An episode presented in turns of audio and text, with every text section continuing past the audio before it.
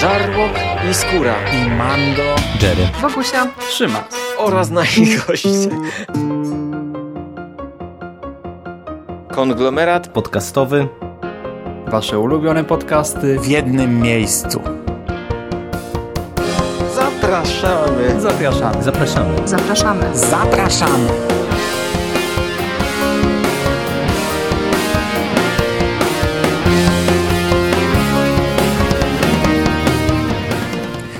Witam w konglomeracie podcastowym, czyli na platformie, która zbiera wszystkie Wasze ulubione podcasty w jednym miejscu.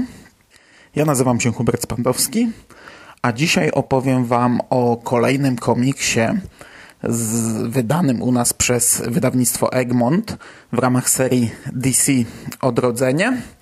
Mianowicie o komiksie All Star Batman, tom pierwszy, mój największy wróg. Już we wstępie warto zaznaczyć, że e, jest to kolejny Batman, który omawiam w ramach e, DC Odrodzenia. No, Egmont zasypuje nas w końcówce roku komiksami z tej serii i przyjął sobie takie założenie, że każdego miesiąca ukazują się cztery tytuły, w tym jeden Batman. Czyli przez cztery miesiące tylko w ramach e, serii DC Odrodzenie dostaliśmy cztery komiksy o Batmanie.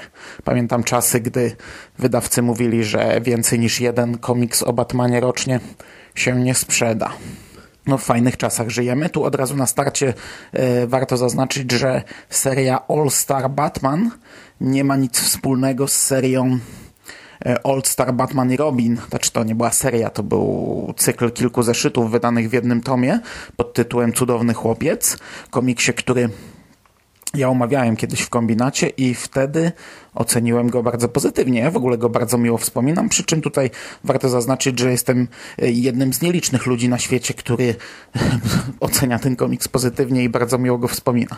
Reszta świata raczej e, nie jest tak mm, nastawiona do tego tytułu jak ja. I od razu właśnie dlatego na starcie wyjaśniam, w razie gdybyście spotkali się z poprzednim e, komiksem o podobnym tytule, a dalej nie śledzili e, historii mm, komiksowego Batmana, to nie ma żadnego związku. Ten komiks, jak, jak, jak w zasadzie wszystko w dzisiejszych czasach, ma bardzo skrajne opinie. E, spotkałem się z opiniami, że jest to naprawdę jeden z najgorszych komiksów o Batmanie, ale spotkałem się też z opiniami, że jest to jeden z najlepszych komiksów. Nie znalazłem opinii takich mm, wyśrodkowanych, raczej właśnie były to skrajne obozy, sam już na starcie powiem, że ja właśnie stoję gdzieś tak po środku. Nie jestem tym komiksem zachwycony, nie jestem nim zawiedziony, potrafię znaleźć w nim plusy, ale też niczym konkretnym nie rzucił mnie na kolana. I zacznę od strony fabularnej. I tutaj e, wypada od razu zaznaczyć, że za scenariusz do tego komiksu odpowiada Scott Snyder, czyli człowiek, o którym my mówiliśmy wielokrotnie, czy to w podcastach, czy podczas prelekcji. Człowiek, który tak naprawdę wypłynął e, do głównonurtowego komiksu mm, przez Batmana właśnie, e, dzięki temu, że pisał scenariusze do głównej serii Batmana w ramach New 52, czyli nowego DC Comics. Ja nie doczytałem tam tych komiksów do końca, także nie jestem w stanie wypowiedzieć się o ich jakości, spadku czy stałej formie, nie mam pojęcia, jak to się prezentowało. Ja Scotta Snydera znam raczej z jego wcześniejszych e, dokonań. E, uwielbiam go za amerykańskiego wampira. Nie czytałem e, horrorów, które omawiali chłopacy wielokrotnie i do których wielokrotnie się odnosili. Natomiast bardzo miło wspominam komiks Mroczne Odbicie, wydany u nas w ramach e, serii DC Deluxe. To był naprawdę świetny komiks i nawet jeśli gdzieś tam obiło mi się o uszy, że Snyder zaliczył jednak jakiś spadek z Batmanem, to mimo wszystko ten człowiek ma u mnie zawsze, przynajmniej póki co, kredyt zaufania na starcie. To jest trochę inny Batman niż e, historia, której moglibyśmy się spodziewać. Zacznijmy od tego, że jest to komiks drogi. E, mamy tutaj historię, w której Batman próbuje przebyć dystans 800 kilometrów. E, robi to na polecenie Harveya Denta, na prośbę Harveya Denta, który odkrył lekarstwo na swoją dolegliwość, no ale w momencie, gdy Two-Face przejmuje kontrolę, to nie podoba mu się oczywiście ta droga, przy czym Batman jest tutaj zdeterminowany, żeby zawieźć go do tajemniczego, zapomnianego przez świat ośrodka, w którym obaj spędzili jakąś tam część swojej młodości, co odkrywamy stopniowo, fragment po fragmencie, gdzieś tam porozrzucane przez całą tę historię.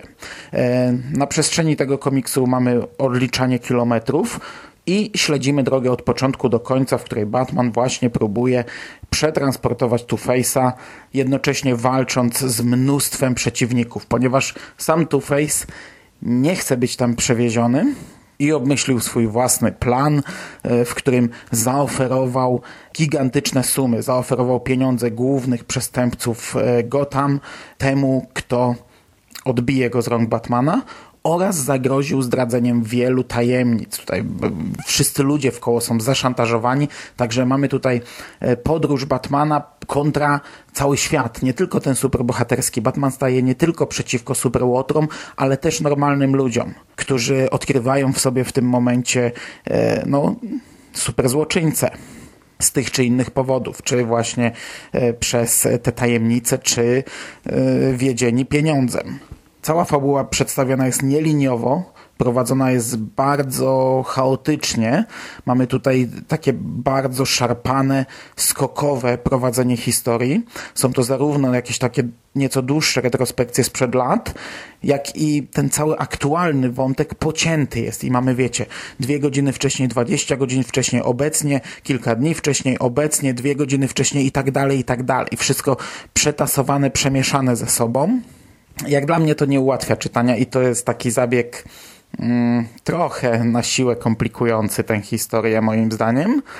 Mm, na plus tego komiksu mogę zaliczyć relacje między Bruce'em a Harvey'em, czyli między Batmanem a Two-Face'em, e, determinację tego pierwszego i całą historię z przeszłości, która pogłębia mm, to, co śledzimy w komiksie, pogłębia te relacje między tymi postaciami. Na minus e, zaliczam mnogość walk. Bardzo podoba mi się, że ten komiks przedstawia reakcje zwykłych ludzi. Podoba mi się, że dotychczasowi przyjaciele Bruce'a Wayne'a czy Batmana są zmuszeni, by rzucać mu kłody pod nogi z tego czy innego powodu, bądź też całkowicie odwrócić się od niego. Nie podoba mi się natomiast mnogość walk i ich przedstawienie.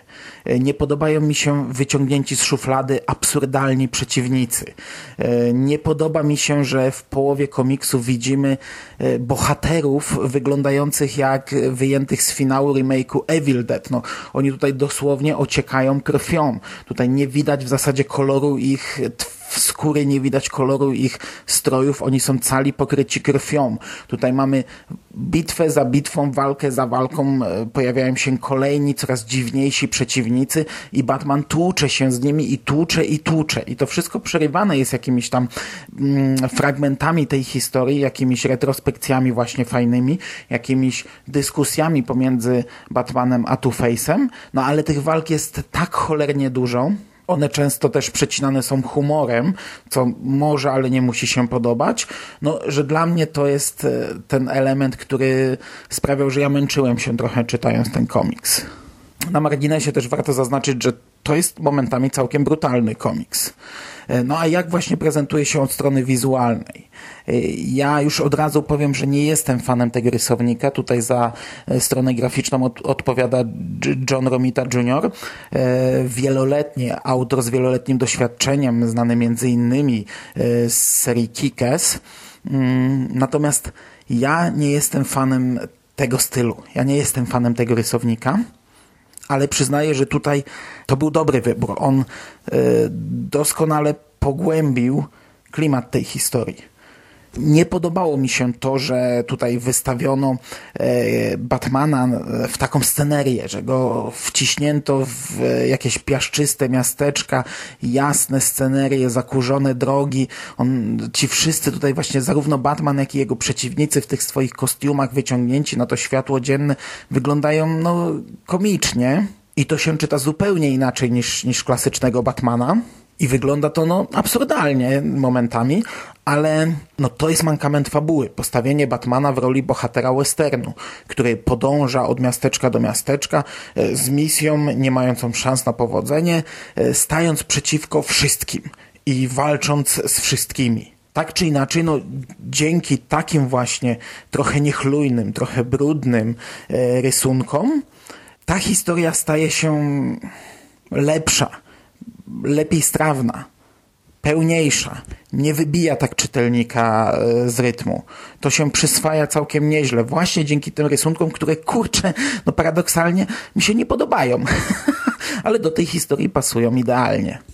Dodatkowy plus należy się koloryście, który jeszcze bardziej podkreśla klimat tej opowieści, a do tego bawi się trochę kolorami, przedstawiając tam kadry czarno-białe, kadry z jakimś e, niebieskim filtrem czy czerwonym filtrem nałożone i kadry właśnie w tych takich e, pomarańczowych, żółtych kolorach jesieni.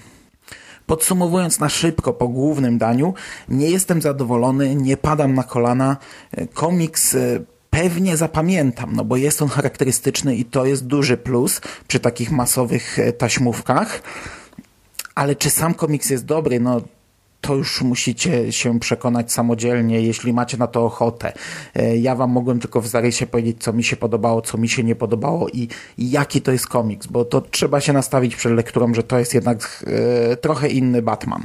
Natomiast po daniu głównym dodatkowo mamy tutaj segment pod tytułem Przeklęte koło, w którym śledzimy pierwszą sprawę e, nowego, aktualnego pomocnika Batmana, Duke'a Thomasa, który na tym etapie nie ma jeszcze przydomku.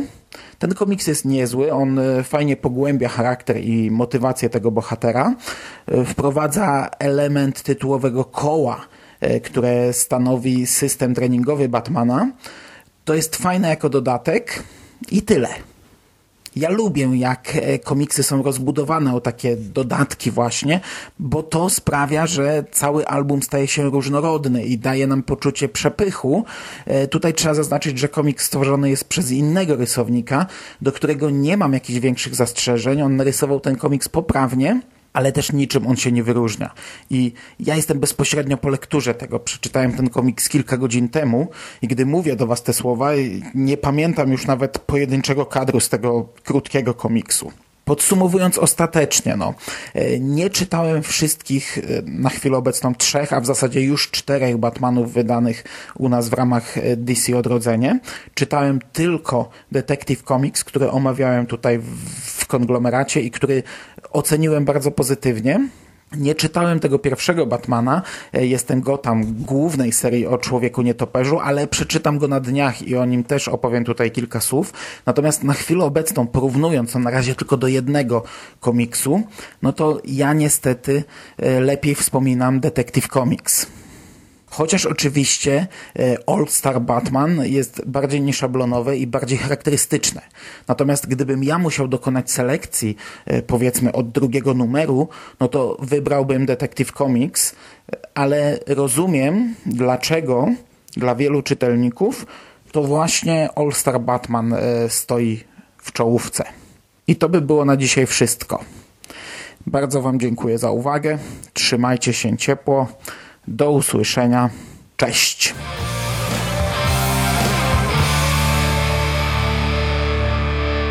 You finished? That's it, man. It's game over, man. It's game over. What the fuck are we gonna do now? What are we gonna do? It's over.